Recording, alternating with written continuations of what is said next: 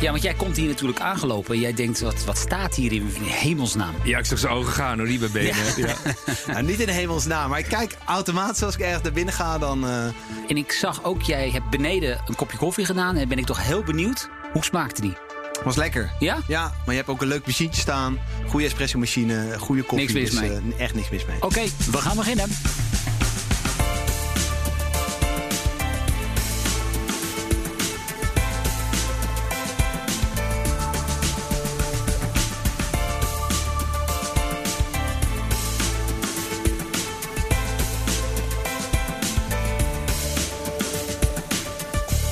Is BNR's Baanbrekende Businessmodellen, aflevering nummer 13. De podcast waarin we praten met bedrijven die zichzelf opnieuw uitvinden en nieuwkomers die bestaande markten opschudden. Mijn naam is John van Schagen en ook Patrick van der Pijl is weer van de partij. En vandaag gaan wij in gesprek met een bedrijf waarvan je ja, bij het horen van de naam waarschijnlijk denkt: ja, die ken ik, maar wat doen ze ook alweer? Nou, die spanning hou ik er nog even in, want eerst vertel ik je graag nog even iets over wie deze podcastreeks mede mogelijk maakt. Salesforce stelt bedrijven van elke omvang en industrie in staat om te profiteren van nieuwe technologieën. Dan kun je denken aan cloud, voice en kunstmatige intelligentie. Met als doel om op de meest effectieve manier verbinding te maken met je klanten. Ook adviseert Salesforce op het gebied van innovatie en groei om op die manier succesvol te zijn in dit digitale tijdperk. Zij zijn de trotse partner van deze podcast en kunnen dus ook jouw partner worden in innovatie en digitalisering. Salesforce. Oké, en dan is het nu tijd om onze gast aan je voor te stellen. From early morning to late night, millions of people are seeking quick, tasty, and healthy food and drinks to fuel their day. Whether at work or on the go.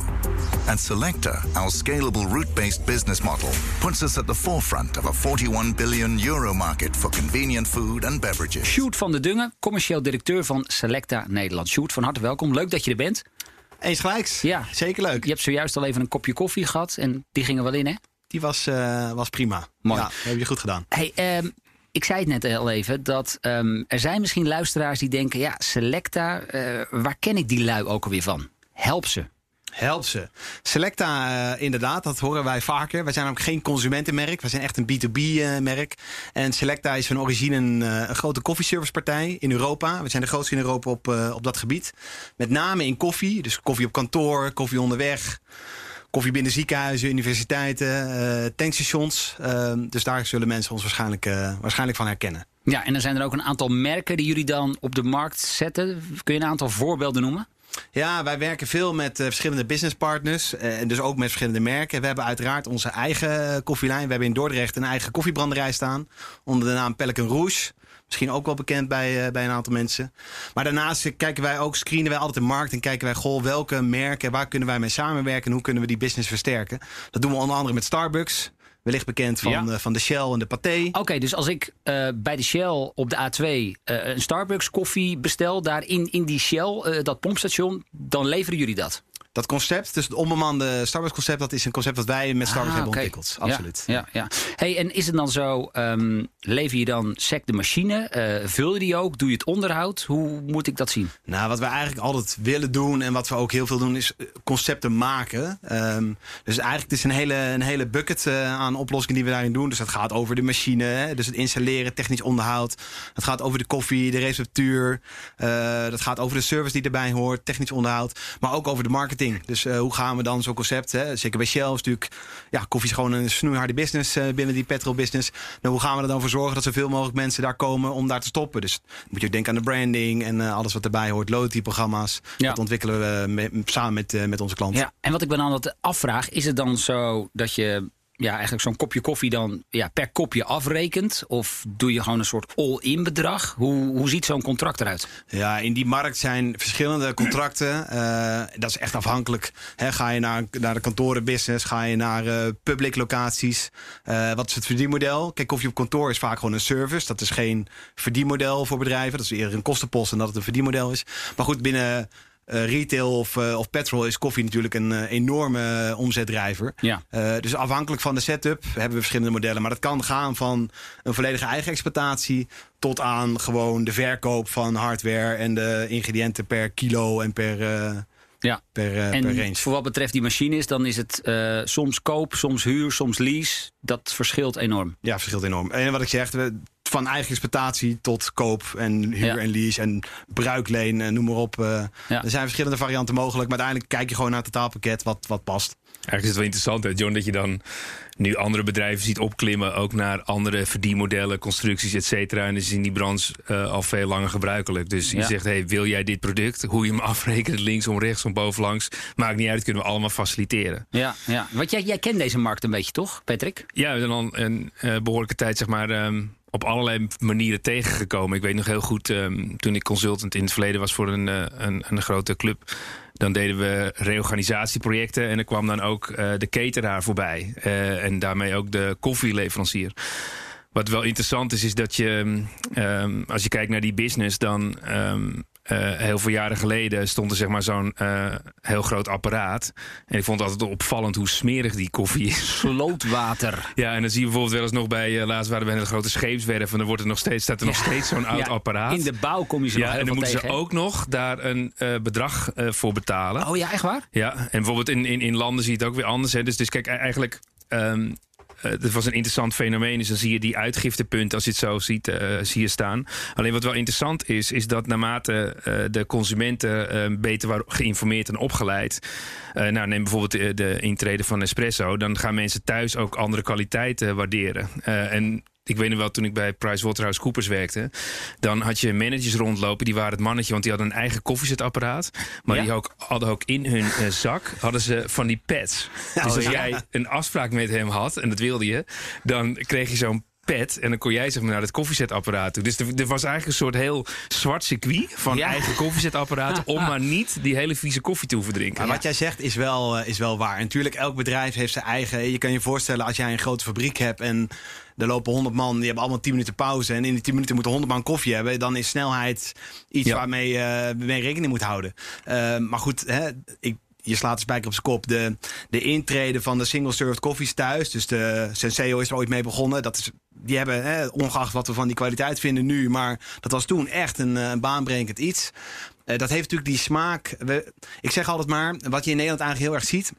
Het aantal kilo's koffie wat we drinken per persoon blijft redelijk stabiel. De laatste tien jaar. Er zit niet zoveel. eh, maar wat we uitgeven aan koffie. Nou, dat, kijk even bij jezelf waarschijnlijk in de keuken. Daar staat nu een een of ander blinkend espresso-apparaat. En je koopt bonen via een lokale Ja. eh, koffiebrander. Dus we geven er veel meer geld Het aan mag uit. wat kosten. En dat vinden we nu ook normaal. Hè? Als je vroeger mijn oma vroeg dat je bij de Starbucks 4 euro voor een cappuccino moest betalen, dan eh, was ze denk ik flauw gevallen. En nu vallen we daar, ja, vinden we dat niet meer heel gek. Dus die, die smaak van thuis, dus de kwaliteit die we thuis drinken, die eisen we ook steeds meer. Dat we dat als we onderweg zijn of op kantoor zijn, willen we dat ook hebben. Ja, maar Sjoerd, is het dan een markt waarin jullie je op begeven die vooral zit op prijs? Is het service, Nee, competitie? binnen die kantorenmarkt gaat het echt over een aantal hele grote dingen. Medewerkerstevredenheid is echt een, eh, een groot eh, ding. Hè. Er is natuurlijk een, eh, een enorme krapte op de arbeidsmarkt. Dus koffie is in Nederland bijna een soort secundaire arbeidsvoorwaarde. Nou, bedrijven zijn wel bijna nu verplicht aan hun medewerkers om daar iets goeds voor te doen. En dat zie je ook dat heel veel bedrijven daar, die willen daar ook in investeren. Die zeggen, goh, ik vind goede koffie gewoon belangrijk, want die medewerker is belangrijk, ik wil ervoor zorgen. Dus laat ik dan ook daarvoor iets, eh, iets goeds neerzetten. Wat ik me wel afvraag is. ehm, voor deze opname ehm, ging ik even naar de overkant toe, naar Amsterdam Amstel station. En daar heb je zo'n AH to go. En daar heb je ook verse koffie, wordt daar gemaakt. En dat is ook een soort van loopje wat je dan hebt. En ik merk dat ook heel veel van mijn collega's hier bij BNR daar ook wel behoefte aan hebben. Dat lijkt me dan, dat is een concurrent voor jullie. Ja, voor, eh, voor dat soort stukken wel. Goed, aan de andere kant, ehm, het ligt ook, ook wel waar een bedrijf zit. Hè. Hier zit je ook echt in een urban gebied waar je, eh, je loopt de deur uit en je hebt eh 50 opties om je heen. Er zijn natuurlijk ook sapbedrijven in Nederland op industrieterreinen en Daar- langs de Zuidas, Ja, ja. eh, langs de snelweg waar dat veel minder het geval is.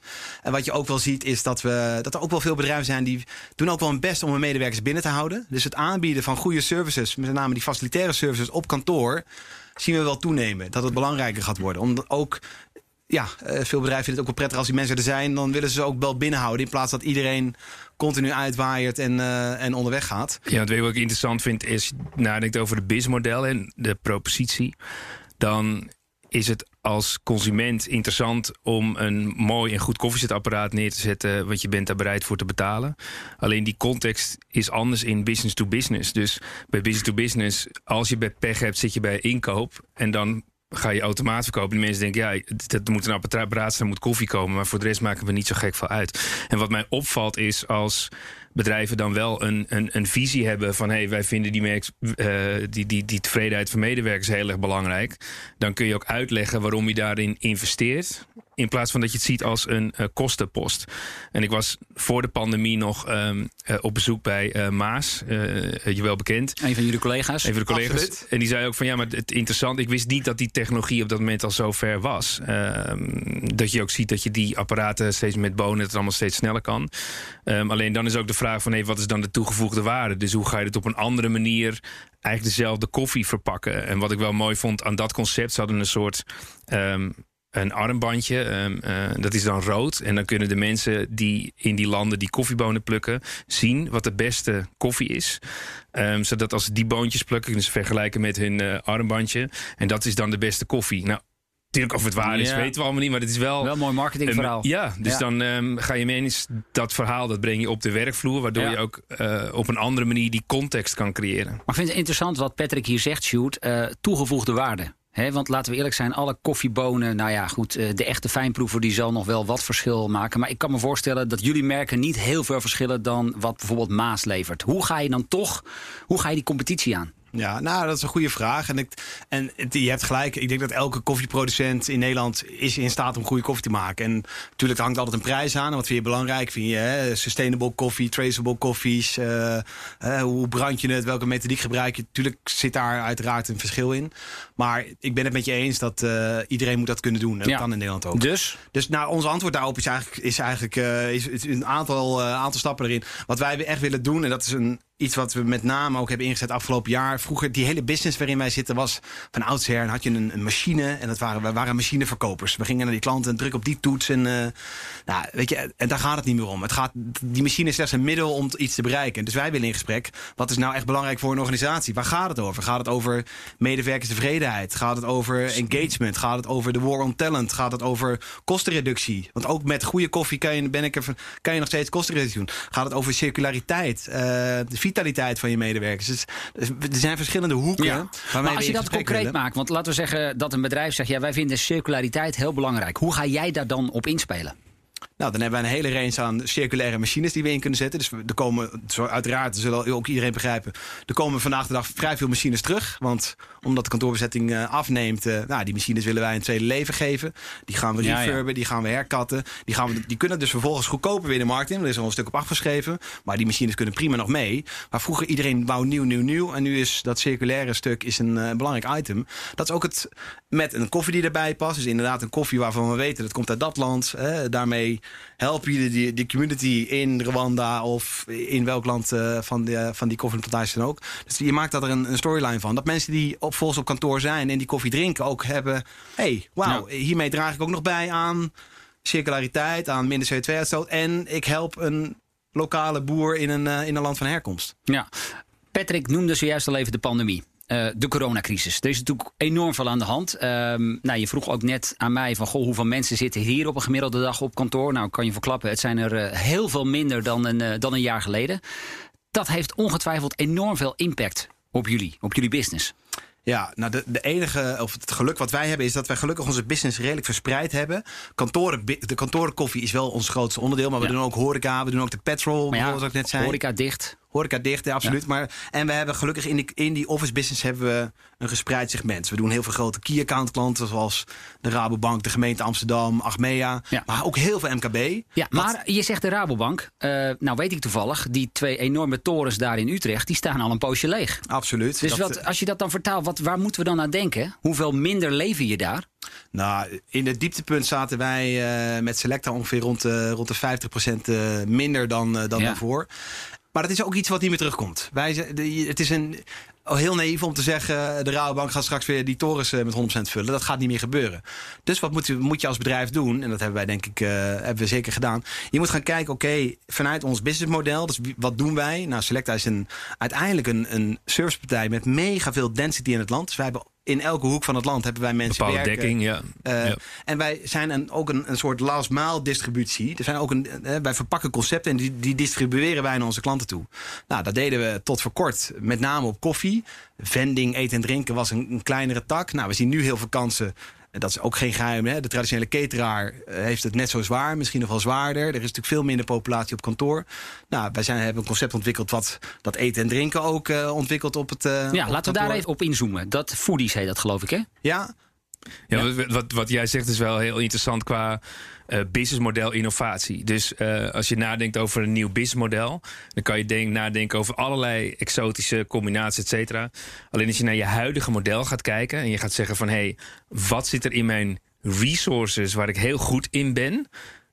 Ja, dan kan ik misschien ook iets anders doen. Dus eh, John, jij kan ook eh, eh, radio, tv-programma's hosten. Dat hoeft niet Nou, daar alleen heb een ik, heb ik het hoofd niet voor.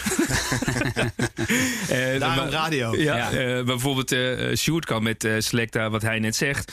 Ja, we hebben dus een heel ehm eh, fijnmazige distributie. Ja, dat maakt eigenlijk niet uit of je nou een groot apparaat vult of een klein apparaat. Of dat je het met Snickers vult of dat je het met koffie vult. Dus die innovatie vind ik, eh, is, is zeg maar, we noemen dat zeg maar epicenter gedreven. Ja. Dus je zet een epicenter op je resources en je gaat kijken wat kan ik nog meer Ja, doen. zoek het heel dicht bij huis. Ja, Ja, Ja. en in Ja. die zin dicht bij huis. Want het gaat bij ons wel over eten en drinken. Dat is onze core. Onze, en waarvan koffie inderdaad eh, de grote core is. Maar goed, eh, wij hadden dus... Wij hebben 20.000 klanten in Nederland. Wij komen bij heel veel klanten bijna dagelijks, wekelijks over de vloer. Nou, wij zagen natuurlijk die populatie afnemen. Wat druk gaf op onze koffieomzet. Dat is denk ik een eh, gegeven. Evident, ja. Eh, nou, toen zijn we gaan kijken naar, goh, wat voor een dingen op dat gebied kunnen we nog meer doen. Dat, dat hele foodiesconcept, dat liep al. Dat hebben we, we hebben twee jaar geleden een bedrijf overgenomen in Italië. Eh, grote vendingpartijen. Die hadden zo'n micromarket concept, want dat is eh, wat dit is. En een micromarket misschien even goed om uit te leggen. En dan probeer ik het altijd een beetje te schilderen. Ja, Dat graag. is Ik een, eh, microwave, micro, maar wat is het precies? Het, ja? is een, het is een onbemande foodmarket. Dus je moet het zo zien. Het is gewoon een, eh, in dit geval een, ehm, een, een, eh, een wand of een, of een hoek met koelkasten, met stellingen. Waar wij verse salades, vers brood, eh, wraps, eh, smoothies, juices, ook koffie. Dus wij plotten daar ook Starbucks weer in. Met een zelfscan oplossing erbij. Dus je, je pakt gewoon je lunch, je ontbijt, je diner, wat je nodig hebt, uit die foodmarket. Je scant het, allemaal onbemand. En vervolgens ga je dat lekker opeten achter je bureau of, eh, of ergens in de buurt.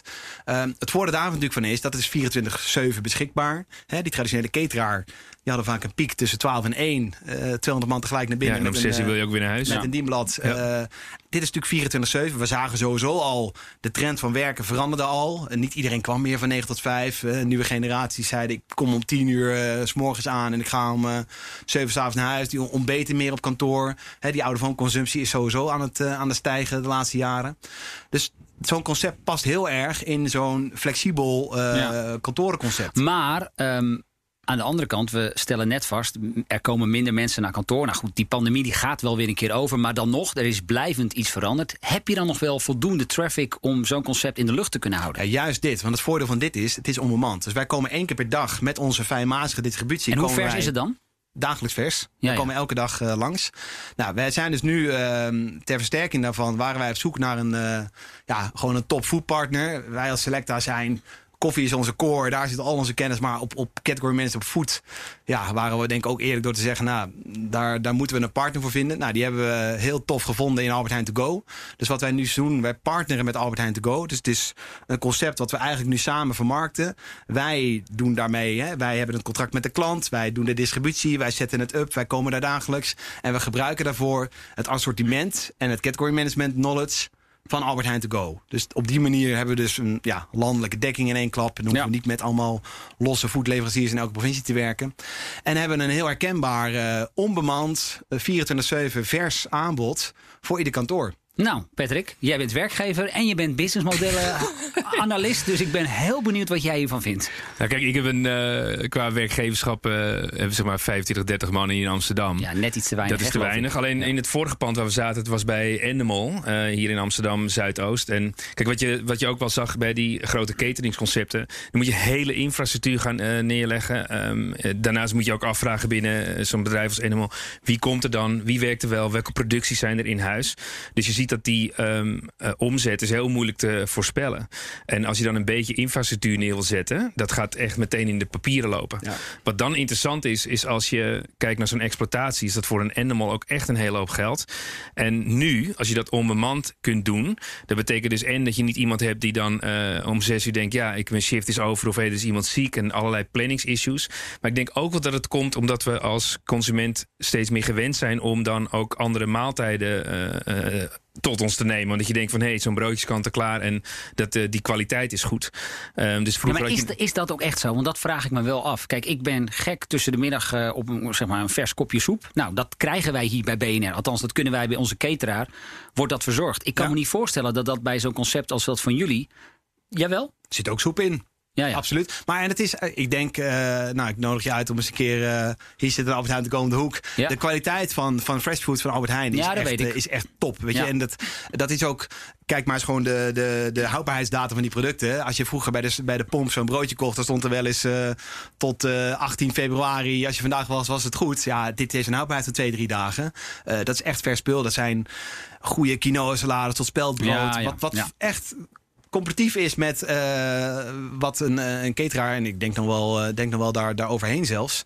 Dus het, het, het voordeel daarvan is dat het is modulair. Dus het is schaalbaar van twee koelingen, twee schaprekken tot tien koelingen, tien schaprekken. We kijken, we doen een scan van zo'n bedrijf. Van wie werkt daar nu? Is het een eh 24-7 organisatie? Is het een kantoororganisatie op de Zuidas? Met een inkomenspotentieel van medewerkers? Nou, dan zul je waarschijnlijk wat meer quinoa-achtige avocado dingen neer moeten leggen.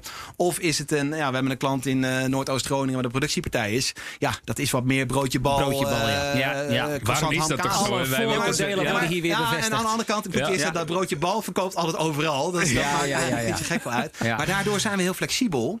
Kunnen we het schalen. Het is onbemand. Wij komen iedere dag leveren. Die klant inderdaad, dat is een, een kostenreductie van heb ik jou. Want catering is gewoon, ja, je moet zo'n keuken plaatsen. Je personeel nodig. Je ja, bent want voor mensen die dat niet weten, eh, nou, dan geef ik u even het voorbeeld hier. Wij hebben een cateraar bij BNR. Nou, die broodjes zijn hartstikke goedkoop. Maar zeg maar, dat daarbovenop betaalt de werkgever dat wat, het, wat er nog ontbreekt. Hè? Ja, ja, buiten dat je ook gewoon als bedrijf waarschijnlijk gewoon een aanneemsom betaalt aan zo'n Ja. cateraar. Dat je hebt gewoon en je hebt een investering te doen En in het is natuurlijk maar een heel Ja, ja, ja. kleine een, een tijdspanne van ongeveer anderhalf uur waarin je het moet verdienen. Ja, maar dat, is- ja, ja, dat klopt. Dus, dus als je eh, nadenkt over dat wij met z'n drieën gewoon aan de overkant zo'n eh, broodjestent gaan eh, beginnen, dat is redelijk overzichtelijk. Alleen wat Sjoerd net zegt, als je dan een werkgever bent, eh neem Animal, dan moet je dus de infrastructuur gaan organiseren in je pand. Je moet het ook eh, gaan afrekenen. Eh, daarnaast ga je dan eh, zeg maar, je personeel, et cetera, je operationele kosten heb je. Je hebt een stuk inkoop. En dan eh, betekent dat je als Animal ook een bedrag neer moet eh, leggen om een lump sum neer te zetten. Ook soms gewoon als een omzetgarantie. En wat jij zegt, dat klopt. Wanneer ga je dan als cateraar je geld verdienen? Ja, het is daar tussen 12 en half 2. En dan moet je het ook georganiseerd hebben. En dan moet je het ook verdiend hebben. Het lijkt een soort eh wintersportskiën. Ja, ja. Ja, het voordeel hiervan is dat je de hele dag covert. Dus Ja, we ja, hebben een ja. ontbijt over, een, een lunch over, een, en ook om vier Ja, uur middags dus eh, de, een- de snack of de, of de, Ja. de healthy chips. En ook nog maaltijden, als een bedrijf dat wil, hebben we natuurlijk ook. Dus er zit alles Ja. in. Ja, maar dat is grappig, want bij jou zit die incentive omdat je er op die manier naar kijkt. Maar bijvoorbeeld bij een cateraar in zo'n pand zit die incentive niet. Want je denkt, ja, wij doen van 12 tot half 2 eten. We hebben hier een bepaald contract. Hoezo wil je s ochtends ook ontbijt?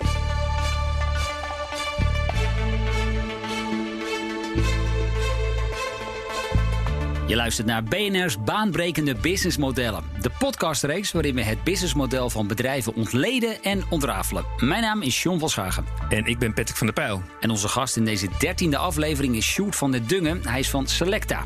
We kennen ze natuurlijk van de vendingmachines op het werk. En aangejaagd door de coronacrisis lanceerden ze nu ook een concept voor koffie thuis. Nou, wat dat is, dat hoor je zo meteen. Wat komt er nu weer uit de oude doos? Want eerst gaan Patrick en ik terug naar een beroemd moment, een speciale ondernemer of grappige anekdote uit vroegere tijden. Patrick, wat komt er uit jouw oude doos? Ja, ik dacht even kijken waar dat catering nou eigenlijk vandaan komt. Of misschien eh, Johan Cruijff zou zeggen ketelarij. maar ehm, die catering dat komt eigenlijk vanuit het Engelse woord voorzien of leveren aan of zorgen voor. Ehm, en in Nederland zien we dat veel meer als eh, maaltijdverzorging of maaltijdvoorziening voor bedrijven. Ehm, en het voedsel dat bedrijf eh, dat, dat dan wordt eh, geleverd, dat gaat ingevuld worden door die cateraars. Ja. Alleen dan terug in de geschiedenis, in de oorsprong van de catering had ik gevonden, was er al in de 19e eeuw de Volksbond tegen drankmisbruik voor spoorwegmedewerkers. en omdat Die bestond. die bestond en hun doel was om dan die drankmisbruik te voorkomen. En hadden ze eh, koffiehuizen waren ze mee begonnen. En die ontstonden met dat idee om te voorkomen. Eh, en dan, dan had je dan de eh, Rotterdamse afdeling van de spoorwegen. En die ging dat opstarten. Wauw. Dus dat was Daar de eerste catering in Nederland. Wist je dat? Nee, dat wist ik niet. Sjoerd? maar Nou, kijk. Fantastisch verhaal. Mooi dat we jou ook nog wat hebben kunnen bijbrengen op het gebied van, eh, van catering. Ehm, ja, mijn moment. We gaan zelfs nog iets eh, verder terug in de tijd. Namelijk de uitvinding van werelds eerste vendingmachine. En daarvoor moeten we helemaal terug naar de eerste eeuw na Christus. Ik heb het even opgezocht. Er was een Griekse wiskundige en die bedacht een soort dispenser voor wijwater. Dat dat ja, die, ging dan de, die deed het dan als je er een muntje in stopte. Zo lang bestaat dat dus al. Nou, toen hebben we er eeuwenlang helemaal niets van gehoord. En ja, vanaf de 19e eeuw is dat ding echt in, in opmars gekomen. Ehm, en ik heb ook even opgezocht. eh, In Japan, gemiddeld 1 op de 23 inwoners heeft een vendingmachine. Sjoerd. Ongelooflijk. Ja, ik, ik weet het. je- je In huis. Nee, ja, gewoon op straat, Overal. Oh, ja. winkels, alles. En daar kan je... Bedenk het maar en het wordt verkocht via een vendingmachine. Je hebt daar, ik heb wel eens van die foto's gezien, dan heb je gewoon een, eh, een plein met een trap. En dan om de treden staat er een vendingmachine. Ja. Dat is echt ongelooflijk. Ja, ik heb in aanloop naar deze podcast ook even zitten kijken. Maar het, ja, het klopt helemaal wat je zegt. 5 miljoen in totaal. En ja, je vindt ze voor snoep, eh, voor sushi uiteraard, eh, snacks, maar ook voor stropdassen. En ik las ook zelfs een vendingmachine met gebruikt vrouwelijk ondergoed. Nu staan wij met drie heren in de studio. Het wordt een beetje onsmakelijk. Maar... En de reden waarom, ehm, eh, waarom er in Japan zoveel vendingmachines staan... A, er is relatief weinig misdaad. Er wordt heel veel gefietst. Mensen hebben haast. Snel even wat een snack eh, pakken.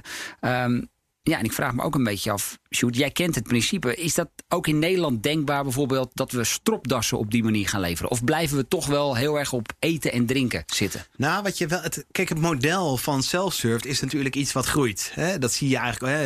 De, de kassa's bij de supermarkt verdwijnen, wordt allemaal self-served. Ga nog eens, nou, als we weer mogen vliegen, je koffer inchecken bij de KLM. Dat doe je via een self-served unit. Eh, ga naar de bioscoop.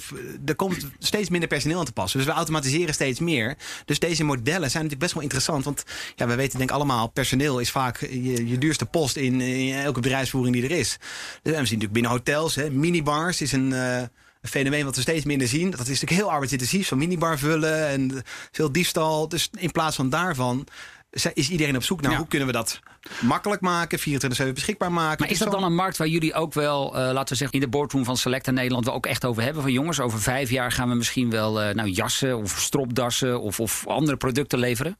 Nou, uiteindelijk, kijk, wij hebben natuurlijk klanten en eh, daar praten we heel veel mee. En uiteindelijk bepaalt denk ik ook de markt een beetje. Als, ik noem wat, als morgen tennisballen super populair worden. En iedereen wil tennisballen hebben. Ja, dan kan ik prima tennisballen in zo'n machine kwijt. Ja, maar blijft de focus voorlopig op food and beverage? Of denken jullie ook al actief na over heel andere producten? Zoals bijvoorbeeld tennisballen. Nou, onze focus nu is echt op het gebied van eten en drinken. Ja, ja. Maar nog even over die hotelsector gesproken. Hè. Het concept waar we net over hadden past ook prima binnen hotels. Hè. In plaats van de bar 24 open houden, waarom zou je er niet gewoon een, een, een micromarket, foodmarket neerzetten? Maar dan kan je wel denken dat je een hotel daar ook tandenborstels, tandpasta, kammetjes in verkoopt. Want dat past in hun, weet je, dat heeft de, Ja. de consument daar nodig. Dus dat, eh, Ja, ik zie het ook bij Erik. Jan Ginja bij Postillon Hotel. Dat zit bij ons om de hoek. En daar eh, kan je voor dat soort vergeten dingen ook Ja. even snel Ja. naar binnen. Eh, het is wel natuurlijk vanuit BIS-model perspectief interessant... om steeds hogere margeproducten in die apparaten te kunnen stoppen. Maar goed, dat kan ook weer eh, criminaliteit in Ja. de hand Ja. werken. Maar wat wel een verschil is, dat echt de traditionele vending, hè, zo'n zo'n stalen kast met, met ijzer ervoor, dat is natuurlijk dat is niet meer, dat nodigt niet uit. Dan ga je ook niet graag naartoe. En dat is natuurlijk het voordeel van die foodmarket, wat we net doen, zoals we dat met Albert Heijn doen. Ja, dat is gewoon chic, dat is mooi met hout, dat is heel uitnodigend. Wat, er ook, eh, wat ook echt trending aan het komen is, zijn de zogenaamde smart fridges. Dat is eigenlijk een beetje zo'nzelfde eh, idee. Dat is een koelkast die is gesloten, die open je bijvoorbeeld met je creditcard. Er zitten weegschalen in, dan pak je eh, die salade of die cola eruit. En vervolgens doe je die koelkast dicht. En Ja, ja. dan heeft hij gemeten wat jij hebt gepakt. Wordt dingen bestaan al? Ja, ja, daar zijn wij ook eh, hard mee bezig. Ah, dat, dan wordt het automatisch van je rekening afgeschreven en je bent weer klaar. Weet je, dus een veel vriendelijke manier van zo'n spirale ding wat het allemaal net blijft hangen. En eh, Ja. nou, die, dat herkennen we denk Ja, ik we hebben het nu geloof ik al voor de derde keer over de vendingmachine. Maar je begint er elke keer ook een beetje eh, nors bij te kijken. Het is niet Ja, echt dit- dat, eh, vending is voor mij altijd heel eh, een beetje stoffig en oud. traditioneel. Eh, dit gaat over self-serve retail. Dat is Ja, ja. waar ik het over heb. Wat ik wel Dat- tof zou vinden is al die lege straten nu. Misschien moet je gewoon een vending street maken met allerlei hele ja, gekke dat zou wat apparaten. zijn. Ja, ja, Ja, fantastisch. Mooi concept. Ehm en Sjoerd, jullie starten nu ook met een concept voor koffie thuis. Ja. Leg uit. Leg uit. Ehm, nou, wat ik al zei, wij hebben 20.000 klanten in Nederland en wij eh, zijn veel met onze klanten in contact. En we zitten natuurlijk vanaf maart eh, ja, zitten we thuis. Heel veel bedrijven hebben echt een Ja, eh, vrij hard beleid om thuiswerk te doen. En wat we horen van die bedrijven is dat ze toch wel een beetje moeite beginnen te krijgen om binding te houden met die medewerker. Van, je zit al tien maanden op je zolderkamer achter een scherm, maar je werkt bij de Rabobank. Eh, voel, je nog een, voel je nog onderdeel van die Rabobank? Ben je nog trots op dat merk? Eh, voel je nog. eh, nou, we hebben een onderzoek gedaan en waar wat bleek, grappigerwijs, is dat eh 84% van de thuiswerkers mist de koffie op kantoor. Dus 84% van de mensen die nu thuiswerken, die mist gewoon die koffie van kantoor. Dus die, nou, bij onze klanten missen ze ook. Zou je toch zo denken dat de meeste mensen inmiddels thuis ook wel kwaliteit koffie hebben? Ja, maar toch, het is dan misschien toch even. De en die binding kantoorkoffie is natuurlijk. Die kwaliteit is echt gestegen. Dus dat, Ja, ja. dat gaat op een goed eh, niveau. En misschien is het ook het moment eromheen. Of met je collega's eh, dat werk. Maar goed, dat was een eh, uitzonderlijke uitkomst uit het onder- onderzoek. Toen dachten wij later van ja, waarom kunnen we niet gewoon een platform bouwen. Wat we aanbieden aan onze klanten. Dus we hebben een platform gebouwd wat wij aan onze klanten aanbieden. En die richten we vervolgens klantgericht in. En daarop, het is een webshop. En op die klantgerichte webshop bieden wij het assortiment aan. Exact hetzelfde wat de klant op kantoor heeft. Dus de Rabobank heeft zijn eigen Rabobank koffie. Hè, die hebben ook echt hun eigen koffie trouwens. Ehm, nou, vervolgens zeggen tegen de klant: wil jij subsidiëren? Dus heb jij een bedrag over per jaar per medewerker om, eh, om bij te dragen voor die, voor die thuiskoffie? Dat is dan ja of nee. Het is niet verplicht. Maar als dat zo is, dan, dan draaien we dat bedrag om in credits. Nou, we richten dat portal in. Die medewerker kan vervolgens, die krijgt een link. Die moet dan vervolgens zelf inloggen vanwege AVG. eh, dus die moet een akkoord geven. Zij komen op een eigen Rabobank koffie voor thuisshop of BNR koffie voor thuisshop, waar het assortiment koffie van, eh, van het werk staat. En dat doen we dan in capsules, in bonenkoffie en in filterkoffie en thee. We gaan geen eh, suikerzakjes, want dat hebben we allemaal thuis wel in bekers, maar gewoon puur het core assortiment. En vervolgens eh, kan die medewerker dat bestellen. Met dus dan wel de credits van het werk of een deel zelf betalen. Ehm, en vervolgens verschepen wij dat binnen een dag naar de, naar de medewerker thuis. Met En dan een, krijg ik ook echt een Rabobank koffiepad. ja, je krijgt dan echt gewoon de, de, de koffie. Hè, mijn slogan is al de koffie van de zaak naar huis brengen. Dat is een beetje het idee daarachter. Ja. Patrick, zit het bedrijf hierop te wachten? Nou, als ik de werkgeverpet opzet, vind ik het ook wel een lastige. Want Ja? ehm, kijk, we hebben Ik natuurlijk wel. twijfel zelf ook een beetje namelijk. Nou, kijk, de, en dat is ook interessant om dat te toetsen of dat op die manier eh, eh, werkt. Als je als werkgever ook heel veel moeite nu moet doen om ook bepaalde infrastructuur thuis te regelen. En misschien, een, eh, ja, misschien wel dubbele infrastructuur. En ehm, ehm, zoals wij doen ook zeg maar vergoeding voor internet en, en dergelijke. En mensen hebben een mobiele laptop. Ehm, dan is wel de vraag van hé, er komt er nog iets bij. Eh, en voor sommigen is het al moeilijk om hun hoofd eh, boven water te houden. En dan komt er weer een kostenpost bij. Er zijn ook werkgevers die zeggen nou, ik geloof het wel. Ja. Ik heb wel genoeg voor je Nou, gedaan. absoluut. En die zijn Ja. er ook genoeg. Hè. En het, i- het is ook een beetje een, een feel-good Robin Hood-achtig initiatief. Ja. Want zo zie ik het ook zelf. Weet je, en, maar er zijn in Nederland genoeg bedrijven die echt daarvoor over hebben. En dan voornamelijk de grote jongens. Ja, dat, natuurlijk moet je dan wel een beetje denken aan die tak. Wat Ja. er nog wel bij zit, ehm, en dat gaat ook over... Wij hebben natuurlijk heel veel Europese aanbestedingen. En, eh, al die overheids... Allemaal Europese aanbestedingen met trajecten. Er worden heel veel, eh, vandaag heel veel strenge eisen gesteld aan traceable koffie, sustainability. Dus hoe help je echt die, die farm? En hoe, eh, nou, daar schrijven we natuurlijk uiteraard op in. Ehm, en wat vervolgens wel gebeurt, is dat... Waar is die boer in oorsprong nou echt mee geholpen? Dat we die koffie afnemen. Ja.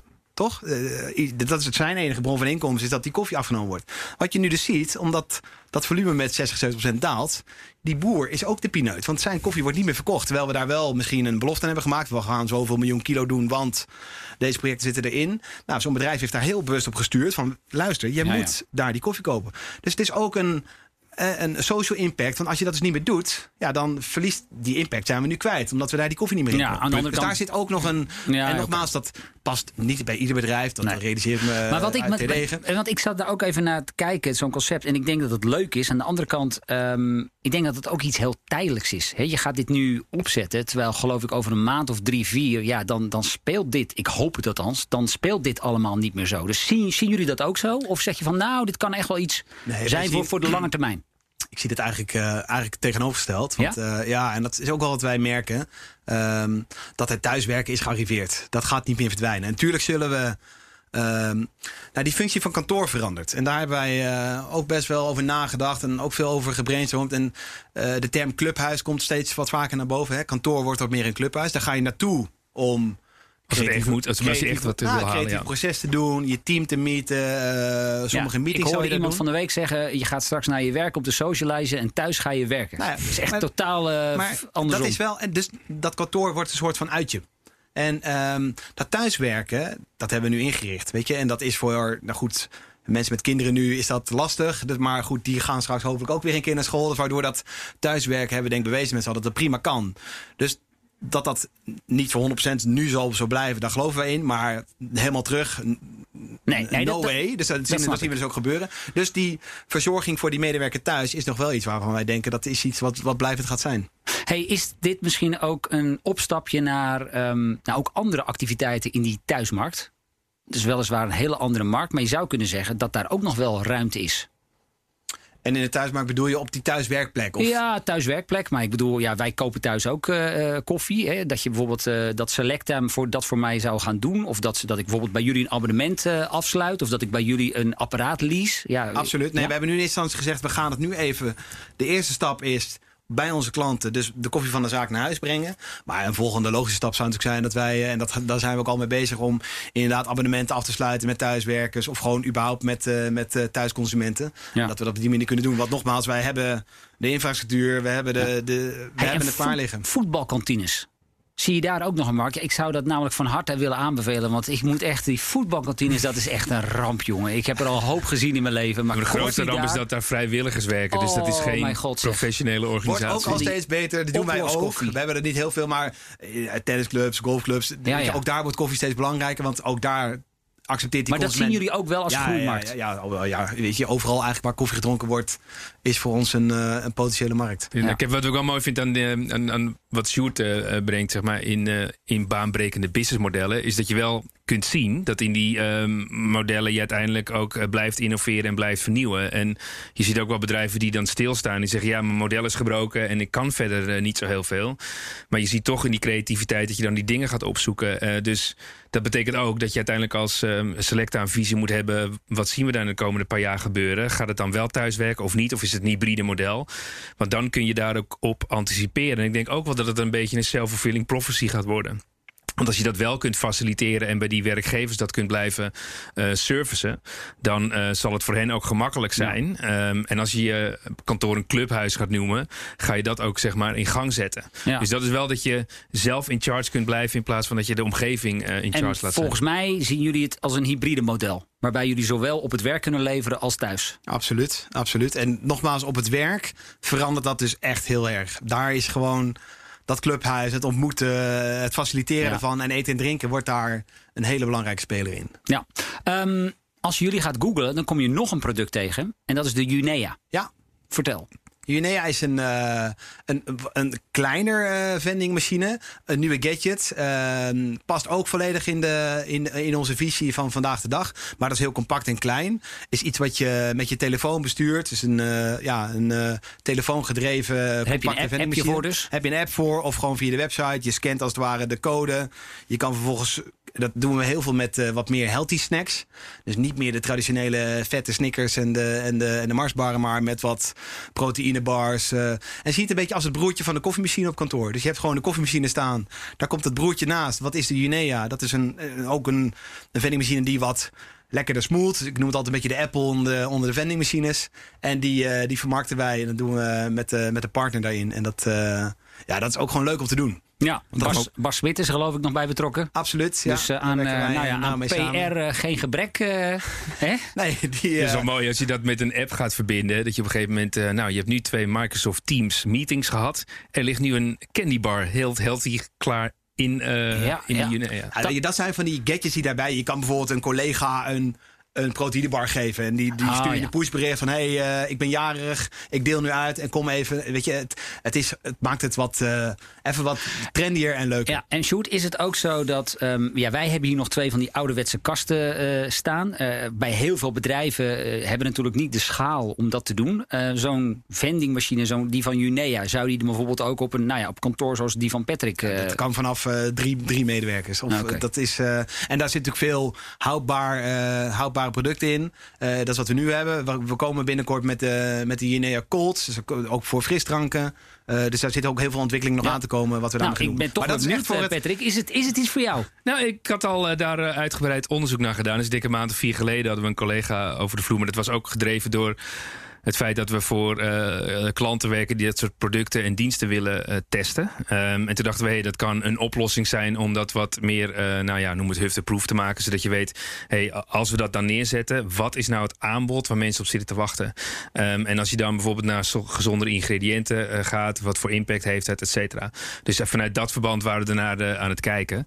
Dus ehm, ja, maar dan zie je ook dat, dat je moet begrijpen van hey, wat is dan het assortiment? Is het dan rendabel? Dus ik was ook wel geïnteresseerd om dat businessmodel dan daarachter te zien. Ja. Dus dat je natuurlijk weet als je een grotere vendingmachine hebt, dat je het wat makkelijk kunt bevoorraden. Ehm, dus ja, daar moet je als werkgever natuurlijk ook wel voor betalen. Het voordeel is bij die uh, dat is een volledig closed loop systeem. Dus we zetten dat neer. Nou, het is gewoon een computer, dus die weet precies wat erheen gaat. Vervolgens krijgt die schiet automatisch een order in ons warehouse als er eh 60% leeg is. Nou, dat wordt, komt bij ons binnen. Wij sturen het automatisch af. Dus er komt, ook daar Gaat komt bijna mis. geen handje meer tussen. Nee. En dat, eh, dat zijn topmodellen om nu te doen. En dat Maar is dit aan. echt zeg maar een potentiële cash cow of is het meer een, een leuk dingetje voor de bij? Nou, het, het past volledig in onze strategie om eten en drinken beschikbaar te stellen via, via self-served eh, oplossingen. Ehm, en uiteindelijk de grootste bubs in Nederland is, zijn de MKB-bedrijven. Weet je, dat zijn natuurlijk duizenden. Eh, dus daar ligt een enorm potentieel. En je kan ook denken aan, eh, ik zie het altijd een beetje als een piramide. We hebben onze Albert Heijn To Go eh, Food Market als het paradepaadje. Dat is wat forser en groter. Nou, die smart fridges die ik net zei, die zijn weer één level daaronder. En de Junea is weer een level daaronder. En het kan best zijn dat een, een bedrijf zegt... ik heb beneden in mijn lobby heb ik een Albert Heijn To Go. Op vloer 2 en 6 heb ik die Smart Fridge staan. En op, eh, naast elke koffiemachine heb ik een eh, Junea staan. Dus er zijn natuurlijk verschillende mogelijkheden... om altijd een 360 graden aanbod, eh aanbod Dus te in de mix is hij wel. eh, Ja, absoluut, ja. absoluut. Mislukken dingen ook wel eens? Tuurlijk, tuurlijk. Weet je, als je... Vertel, ik wil een voorbeeld. Nee, ja, goed. eh, Dat, eh, weet je, en dat is het voordeel. Dat vind ik het tof aan Selecta. Wij zijn een ondernemend bedrijf. En wij zijn continu aan het, aan het kijken wat kunnen we doen. En wat past er bij ons. En eh, nou, wat we bijvoorbeeld ook hebben gedaan gedurende die...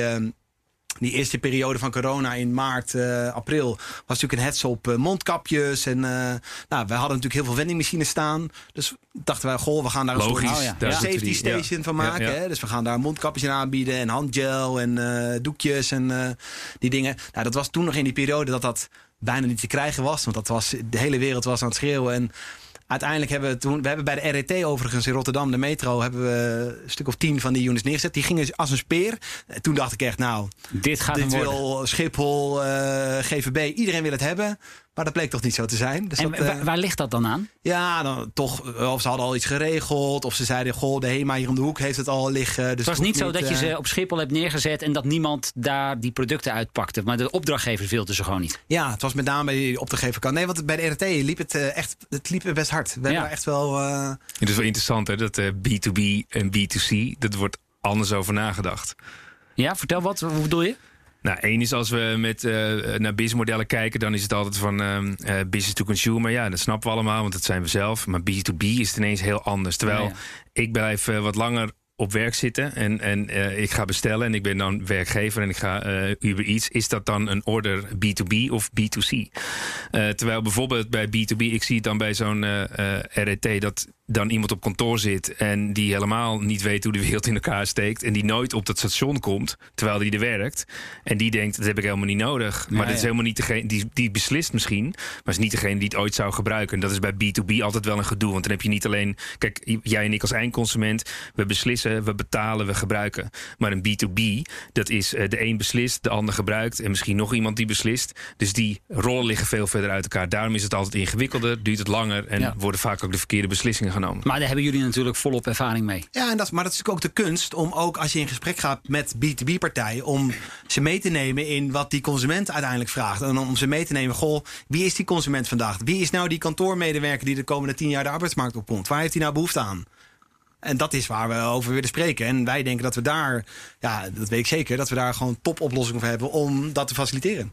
Had trouwens nog één mooi verhaal. Ik kan het echt toch niet laten om er mee te komen. Toen ik net stagiair, stagiair was in 1995, toen werkte ik op de eh Stadhouderskade. En was er één persoon die ging altijd om half vier een zakje chips halen uit zo'n vendingmachine. En toen dacht ik, oké, die ga ik gewoon echt een keer beetnemen. Ja. Dus ik had een grote zak chips gekocht. En ik stond er al een half uur van tevoren. Die had ik in die laag gelegd. En hij komt naar me toe en ik denk, ik ga heel uitvoerig even laten zien dat ik zo'n zakje chips... Uh, en dat kleine zakje chips valt eruit en ik doe die la open. Ik haal die grote zak eruit. Nou, dit was echt een feestje. Mooi, mooi, mooi. Ik vind het een mooie afsluiting. Dankjewel. Sjoerd van der Dungen van Selecta was dat. We spraken met hem over hun nieuwe kantoorconcepten, de koffie voor thuis en de Junea. Nou, vond je dit nou interessant? Check dan ook onze andere afleveringen in deze reeks op pnr.nl en in je favoriete podcast-app. Volgende week dan weer een nieuwe show en dan te gast Liesker Procesfinanciering. Zij hebben een businessmodel dat draait om de financiering van juridische zaken. En daar moet ik me nog even goed over gaan inlezen. Tot snel weer. Dag.